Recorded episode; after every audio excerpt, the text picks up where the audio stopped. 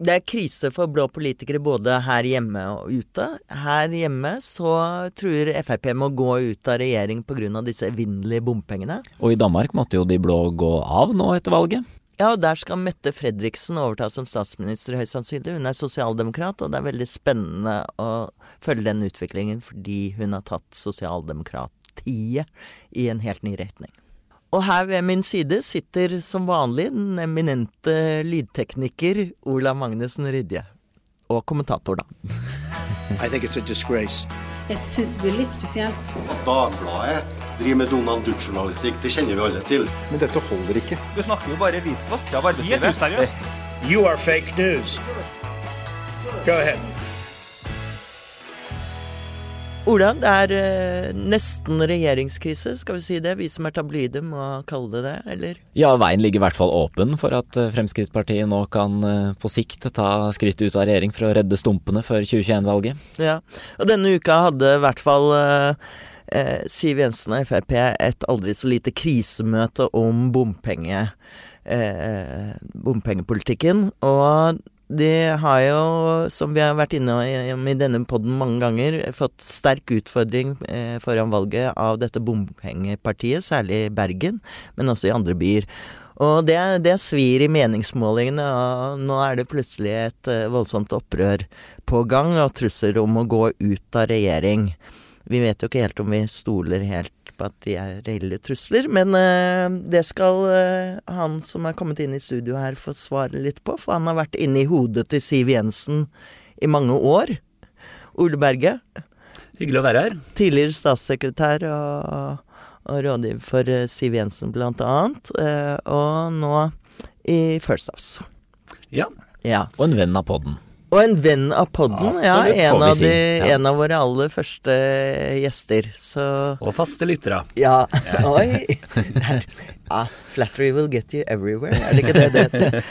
Um, hva er det egentlig som skjer i Frp nå? Er det, er det en eh, reell trussel, dette vi ser? En reell krise? Jeg tror nok det er mange i eh, partiet som føler at situasjonen er alvorlig.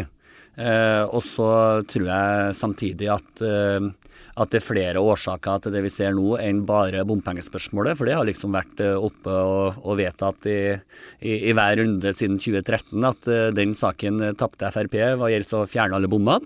Men at man fikk mange gode gjennomslag på andre ting som reduserer belastninga for bilister. Både noe på bom, men spesielt på bilavgiftssida. Så, så jeg tror at det vi ser nå er egentlig et storbyproblem for Frp, som har vart veldig lenge. Eh, Og ikke egentlig et bompengeproblem. Ja, ikke sant? Fordi det de er, eh, nevner spesifikt, er disse bypakkene som de vil stoppe Ja. eller eh, redusere Det, kraftig. det er riktig, men eh, spesielt vil jeg si at Bergen og Oslo eh, har mye dypere problemer sett med Frp-øyne enn eh, bompenger og bilpolitikk. Eh, et eksempel på det er at hvis du ser eh, valgoppslutning siden 2001, så har valgoppslutninga for Oslo Frp gått ned hvert eneste valg sammenligna med landsgjennomsnittet. Eh, Og i mange av disse årene så var man i opposisjon og kunne eh, mene hva man vil og drive gammel Carl I. Hagen-politikk. Eh, Det funka ikke. Og Carl I. Hagen er vel i kulissene også her. Ja, definitivt. Det var han som fremma dette forslaget på landsmøtet om eh, 100 milliarder i bompengesletting. Eh, Og han eh, er jo ofte ute i media nå også, ser jeg, for å markere og protestere. Eh, Men det har på en måte vært hans eh, måte å drive politikk på egentlig hele veien, Eh, og det kan du gjøre i opposisjon. Eh, Men eh, når Siv Jensen overtok som partileder, så ville hun gjøre Frp til et eh, regjeringsparti som fikk gjennomført politikk, mens Carl I. Hagen ønska å markere politikk. Men det er jo litt, litt overraskende egentlig for vi som følger partiet fra utsida, da, at partiledelsen lot dette skje på landsmøtet. At man fikk den resolusjonen som sier at man skal bruke 100 milliarder på, å slette bompengegjeld. Og eh, jeg har hørt også noen nevner at det var eh, Per Sandbergs exit eh, fra partiet òg som svekka eh, ledelsens stilling her, da. Som eh, tidligere ville kanskje kunne gått inn og stansa et sånt forslag som nå har skapt veldig mye rabalder. Hva tenker du om det? Jeg, tenk, jeg tenker at det er, det er, en hypotese, men jeg vet ikke om den er riktig. For på mange måter kan du jo si at Sylvi Listhaug, som kom inn som nestleder, som, som tar imot dette forslaget på landsmøtet, også har en, en, slags samme rolle som Per Sandberg. på en måte sånn Står sterkt i grasrota, og man lytter på, på Sylvi og, og, Siv. Så, så, det kan være en, eh, en hypotese, men jeg er ikke sikker på om den stemmer. Eh, men eh, det er jo ikke uvanlig at partier på en måte markerer primærpolitikk på landsmøtene sine osv. Det som er uvanlige, er jo hvordan eh, enkelte har tatt dette videre og ønsker å, å, fremme det i Stortinget og den type ting, når man har en plattform som man har vedtatt for fire år siden. Er det et tegn likevel på at Siv Jensen ikke har så stålkontroll som hun har hatt? Nei, det tror jeg ikke. For jeg tror at Siv står ekstremt sterkt i partiet. Uh, man må huske at uh, det var en, uh, en, 40 år gammel ørkenvandring i opposisjon før Siv overtok. og Jobba målbevisst om å ta partiet inn i regjering for å få gjennomført Frp-politikk. og så klarte hun til og med å bli gjenvalgt fire år etterpå, som også var en, kanskje en enda større bragd for et parti som har vært på, på, på høyresida og ikke hatt makt før.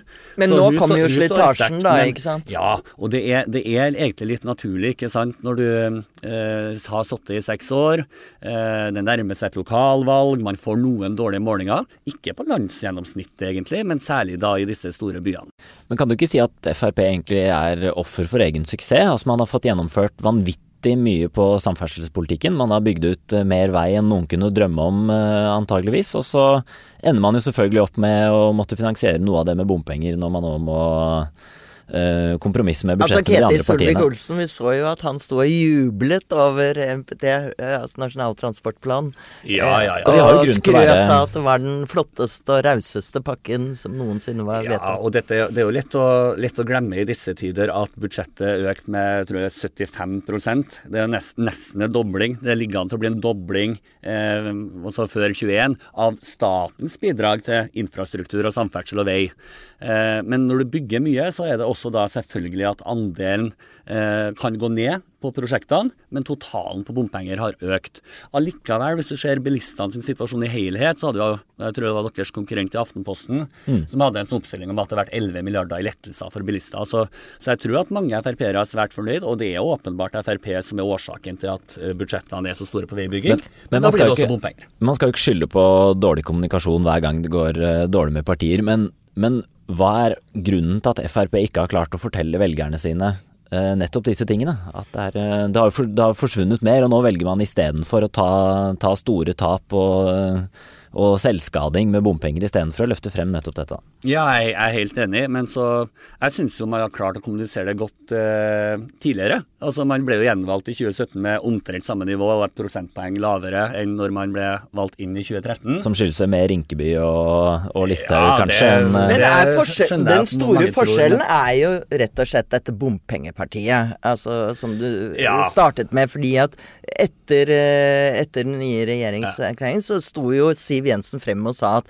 de hadde fått masse gjennomslag når det gjaldt uh, bompenger, og var kjempefornøyd. Ja, og, og problemet med eh, dette er noe av timingen. Fordi at uh, en plattform som man fikk en del gjennomslag for, Granavolden-plattformen, det er en del punkter der som ikke er realisert ennå, naturlig nok, for det er bare fire måneder siden, som man ikke har fått gjennomført. Men det skal jo eh, presumptivt gjennomføres før 21, da, for denne plattformen varer jo bare i ett og et halvt eller to år til. Eh, så, så, det er klart at eh, den plattformen egentlig er ganske bra med Frp-ene på bompenger, men det har jo ikke folk sett resultatene av. Det folk har sett resultatene av, at det popper opp med, med bommestasjoner, særlig i Oslo og i Bergen. Og da har du fått dette nye partiet. Utenfor balkonger og Ja, ja, overalt. Og, og, og, det er klart at da har du fått dette nye partiet, som gjør særlig Frp i Oslo og Bergen eh, frustrerte og nervøse for valgresultatet. Men jeg mener at Oslo og Bergen Frp har langt dypere problemer enn dette, så de burde ha gjort eh, noen andre grep i stedet. Men de skryter liksom av at, av at, dette opprøret, de som er for det, at, at de har enorm støtte, ikke minst blant grasrota i Frp. Men er det ikke sant at det er disse en tredjedelene på Stortinget som alltid har vært mot regjeringsdeltakelsen, som eh, nå står bak dette opprøret òg? Ja, altså det, Har det større støtte enn det? Eh, ja, eh, denne gangen så tror jeg på en måte det er flere i røsla også som på en måte eh, er litt irriterte og frustrerte. Men det er riktig som du sier, det har alltid vært noen på Stortinget som mente at vi ikke skulle gå inn i regjering i 2013, at vi ikke skulle gå inn i 2017, at vi ikke skulle ta inn KrF, at vi ikke skulle ta inn Venstre. De har ment det samme hele tida. Men hvis det blir et dårlig valg til høsten, kunne det ikke være taktisk lurt av Frp å gå ut av regjering? Jo, også hvis du tenker på oppslutning, så er det alltid mer behagelig å være opposisjon. Du kan bygge deg opp til 21, og du kan få økt oppslutning. Men det er da du på en måte må ta et valg, da. Eh, om du skal være et parti som søker makt, gjennomfører politikk, som sørger for at bilistene får 11 milliarder lettelser, at det bygges eh, motorveier over hele landet, og det partiet står for. Eh, eller om man skal være på utsida og være dem som roper inn mot Stortinget og sier at sånn må dere gjøre det. Dette er på en måte, det var et, det var et tidsskille i Frp når Siv Jensen overtok for Carl I. Hagen. Eh, Carl I. Hagen likte å demonstrere og protestere og, og se på gallupen som kom neste uke. Siv Jensen har hatt en målsetting om å gjennomføre politikken Frp har snakka om siden Anders Lange på Saga kino, og det mener jeg hun har lyktes ganske bra med. Og så får vi se hvordan man lykkes nå framover med disse forhandlingene med de andre partiene osv. Men Frp er jo nå, nå, nødt til å svelge enda noen store kameler. 19.6 eh, skal det jo stemmes over tre store bompengeprosjekter i Stortinget, og Siv Jensen holdt fast på pressekonferansen som var her onsdag at uh, Fremskrittspartiet står bak. Uh, og da er det 15 milliarder mer i bompenger som skal realiseres. Er det, liksom, er det levelig den spagatten? Nå det, har det vært så mye bråk nå, nå skal de forhandle litt, men det blir jo verre før det blir bedre nå? Ja, men Jeg mener det er fullt mulig å stå i det. Eh, du bør stå for inngåtte avtaler, og særlig avtaler som er inngått for fire måneder siden. Eh, og det er egentlig bare en fornyelse av avtaler i 2013, og 2017 og 2018. Eh, så det bør man. Og jeg, jeg syns ikke disse prosjektene, jeg tror ikke det er med i de verste prosjektene for Frp å være med på. Alt med bompenger smerter. Men dette er prosjekter hvor du bygger en vei, og så betaler du ned veien, og så forsvinner den. Og så er det sideveier du kan kjøre på uten bompenger. Det som er, det, det, det som er problemet, er bypakkene, hvor det i Oslo eh, går 98 kroner til andre ting enn vei for hver hundrelapp bilisten betaler. Det er det som på en måte skaper en slags urettferdighetsfølelse hos folk, og som også Frp har størst problemer med å forsvare. Men tenker du ikke før valget, dette, dette tok jo sånn 40 sekunder å forklare, mens det for bompengepartiet å si 15 milliarder mer går veldig fort. Er, det, er det ikke den samme sånn styringskommunikasjonsutfordringen som uh... Jo, men da er vi tilbake til at det er veldig mye lettere å være opposisjon. Jeg har selv vært i partiet mens jeg var opposisjon, det var gøy det. Det var å åpne Dagbladet på morgenen og si hvilken journalist skal jeg ringe og mene hva jeg vil i dag. Altså, Det er hyggelig, det er morsomt, eh, men du får ikke gjennomført politikk. Hvis du som politiker ønsker å gjennomføre politikk, så må du søke makt. Og det er det kanskje noen som eh, vil gjøre også i dette partiet, Siv Jensen. Vi får se noen kanskje reagerer på den måten. Det kan bli en intern strid også. Jeg syns Sylvi Listhaug så ut som syv sorger da hun sto eh, sammen med Siv Jensen etter det møtet. Ja, ja jeg, det, jeg, deler det inntrykket. Det var, jeg tenkte uh, at det var nesten rart at hun var med. Det var, uh, vi hadde en veldig oppspilt og, og ivrig Siv Jensen og en likblek uh, Sylvi Listhaug som sto der, så det var uh, Da så dere smakt kaffen møte. på kaffeautomaten på det møterommet der, da. Det, du kan gå i grava av det. noen annen vei. det var derfor hun så litt sur ut. Ja, ja. Men tusen takk, Ole Berge, venn av podden, som kom og forklarte oss om FrPs indre liv. Hyggelig å være her.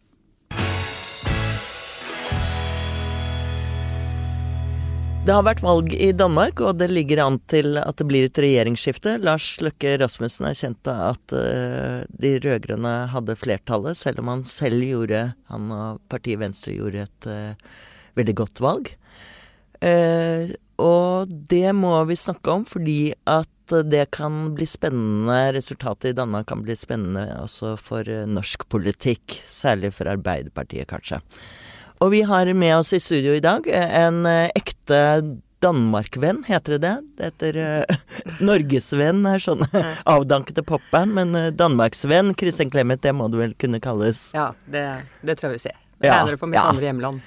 Nesten gift dansk og uh, sommerhus i Danmark og sånn, men først og fremst er du jo selvfølgelig kjent som sjef for tenketanken Civita. Uh, men hva var det egentlig som skjedde i dette valget? Hvis vi skal prøve å si de store trekkene, så har det man kaller rød blokk eh, i Danmark, det har styrket seg og kommet uh, ut med et uh, solid flertall. Um, men det er interessante ting innenfor den røde blokken som blir veldig interessant fremover nå, når det skal forhandles. Og det er at eh, sosialdemokratiet faktisk har gått ørlite grann tilbake, har ikke styrket seg.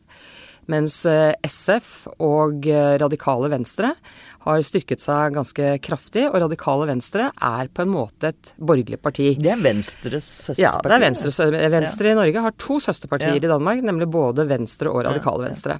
Så Radikale Venstre kan samarbeide begge veier. Um, noe annet som har skjedd, er at det man kaller det gule Danmark, altså eh, der hvor Dansk Folkeparti har vært størst, det har forsvunnet helt. Det ble enormt stort i 2015, da Dansk Folkeparti ble det største ikke-sosialistiske partiet. Men nå finnes det ikke en eneste gul kommune igjen.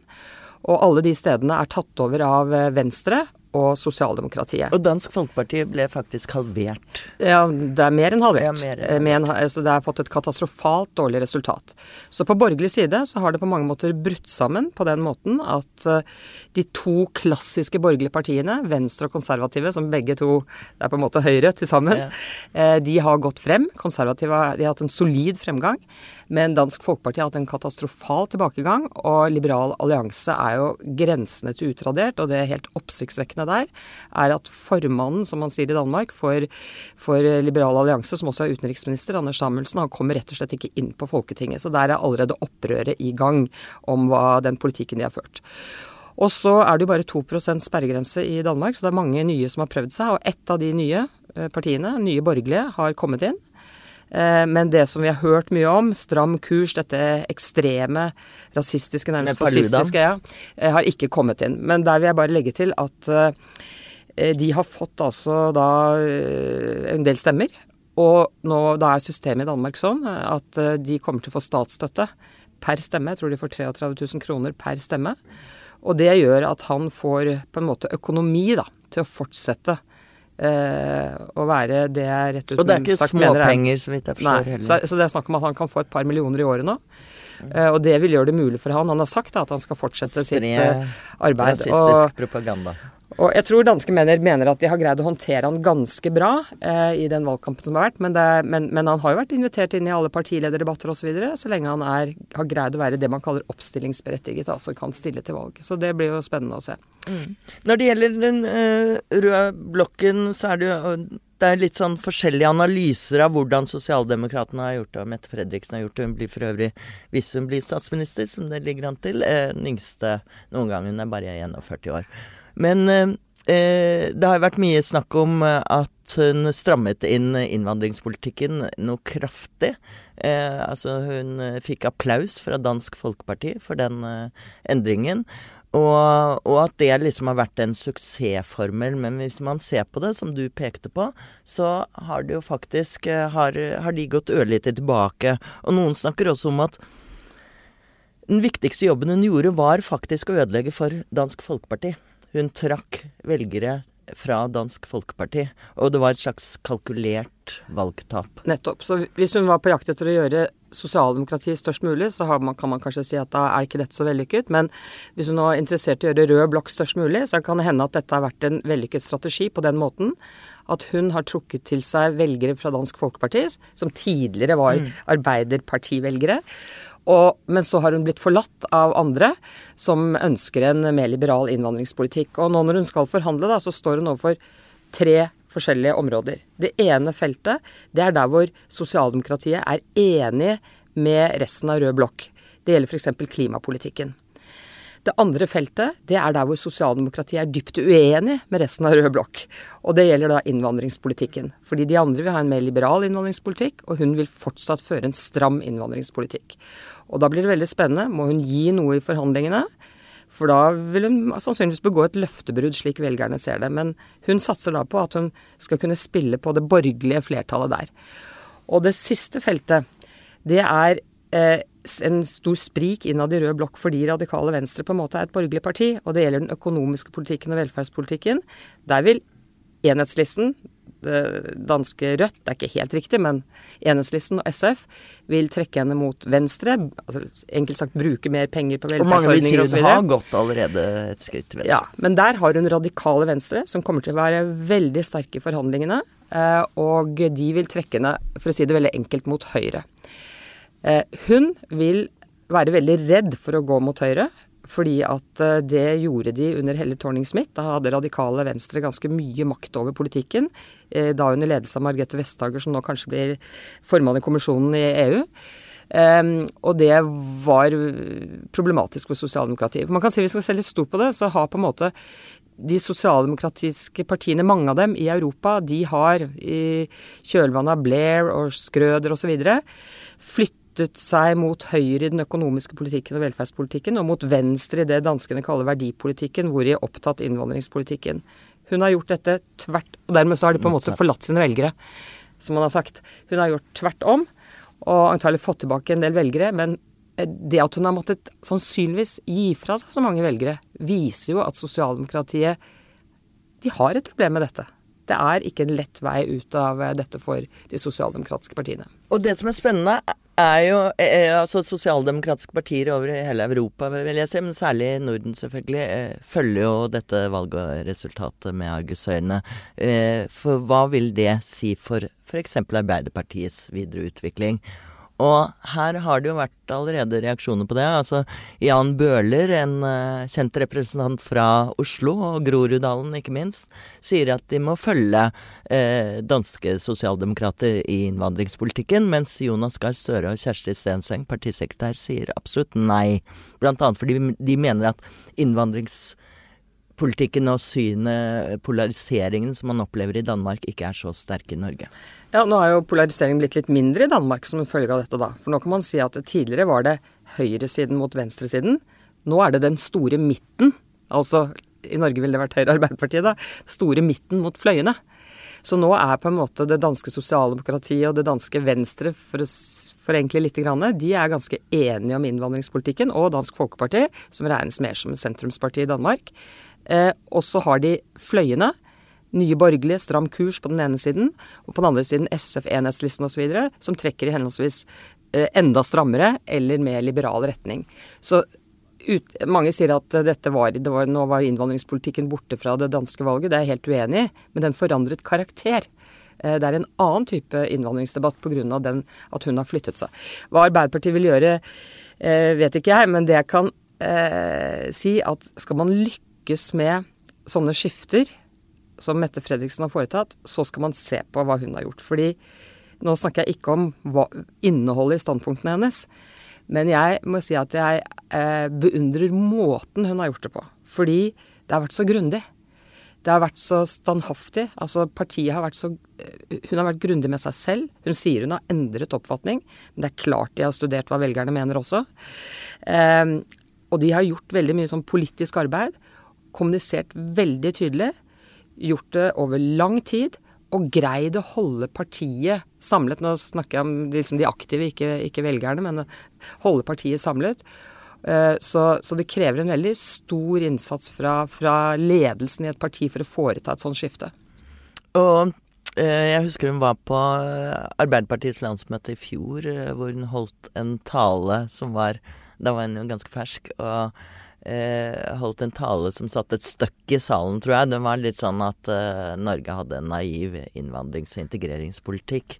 Og det var jeg vil si det var spredt applaus, og Jonas Gahr Støre vil nok ha en eh, tøff jobb å gjøre der hvis han går etter. Men der man ser, er jo at eh, Arbeiderpartiet kanskje følger etter når det gjelder velferdsgoder. At, uh, at man skal bli mer altså, altså Arbeiderpartiet har jo opplagt flyttet seg i Norge ja. også, men jeg tror ikke det er så tydelig for velgerne som måten eh, Mette Fredriksen og sosialdemokratiet i Danmark har flyttet partiet sitt. I Danmark er det Jeg tror ikke det vil være noen som er i tvil om at uh, sosialdemokratiet har foretatt denne kursendringen. Og derfor så er hennes tillit i innvandringspolitikken steget ganske kraftig, og hun har nullet ut trusselen så å si fra Dansk Folkeparti. Eh, hvis man spør vanlige nordmenn på gata, så tror jeg veldig få vil ha et klart bilde av Eh, nøyaktig hvor eh, Høyre og Arbeiderpartiet osv. står i innvandringspolitikken i forhold til hverandre. Mm. Så, ja. men, men, eh, vil hun få gjort dette her? Altså hun må få enhetslista og partiet og, og, SF med på laget. Og de krever jo selvfølgelig en liberalisering igjen, men hun må stå på denne innvandringslinja.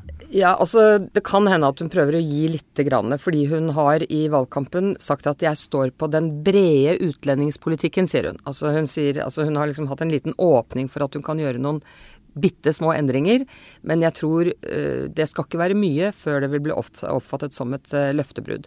Men hun går jo nå inn for å danne en ren sosialdemokratisk regjing, og hennes budskap har hele tiden vært vi eh, får ikke gjennom hele vår politikk med noen, men vi får gjennom veldig mye med, ved å samarbeide med alle. Så hennes strategi er jo å kunne eh, samarbeide til begge sider. Eh, men for å komme i statsministerstolen så må hun jo ha en avtale med denne røde blokken, men det blir eh, da høyst sannsynlig bilaterale avtaler. Altså det blir ikke én samarbeidsavtale som om de skulle sitte sammen i regjering. Så, så hun kommer til å kunne kunne manøvrere seg eh, gjennom Ja, men det blir nok vanskelig, fordi de, de har stilt veldig tydelige krav og hatt litt sånn ultimativt eh, preg. Men, men de, det, er, det, er, veldig, veldig få som tror at dette ikke kommer til å gå. Eh, det er det. Mm. Men det er jo ganske klare paralleller til eh, til uh, her hjemme, vil jeg si. At Jonas Gahr Støre sliter jo også med det. Vi husker alle i forrige valgkamp at han sa at han overhodet ikke ville samarbeide med Rødt og MDG, ja. f.eks. Ja, altså det er ikke lenger enn tilbake på begynnelsen av 2000-tallet, så sa Jens Stoltenberg at han overhodet ikke ville samarbeide med SV i regjering. Så, ikke sant. Men det som har skjedd på 2000-tallet i Norge, det er at både SV og Fremskrittspartiet har blitt akseptert som regjeringspartier. Så nå er det bare to uprøvde partier, da, for å si det sånn. Det er MDG og Rødt. Og det er klart at Rødt er jo ideologisk sett det vanskeligste. Eh, ikke bare for Arbeiderpartiet, men jeg tror også for Senterpartiet. Så ja, den situasjonen kan jo også oppstå i, i Norge. At man får eh, noen fløypartier som gjør, gjør det vanskelig for eh, de store, store styrings- eller sentrumspartiene da å danne regjering. Men eh, spennende, spennende å se hvor Arbeiderpartiet også lander etter hvert. Eh, vi har jo hatt en tendens til å følge etter dansk politikk i, i mangt og meget, om ikke alt. Tusen takk for at du kom, Kristin Clemet. Bare hyggelig.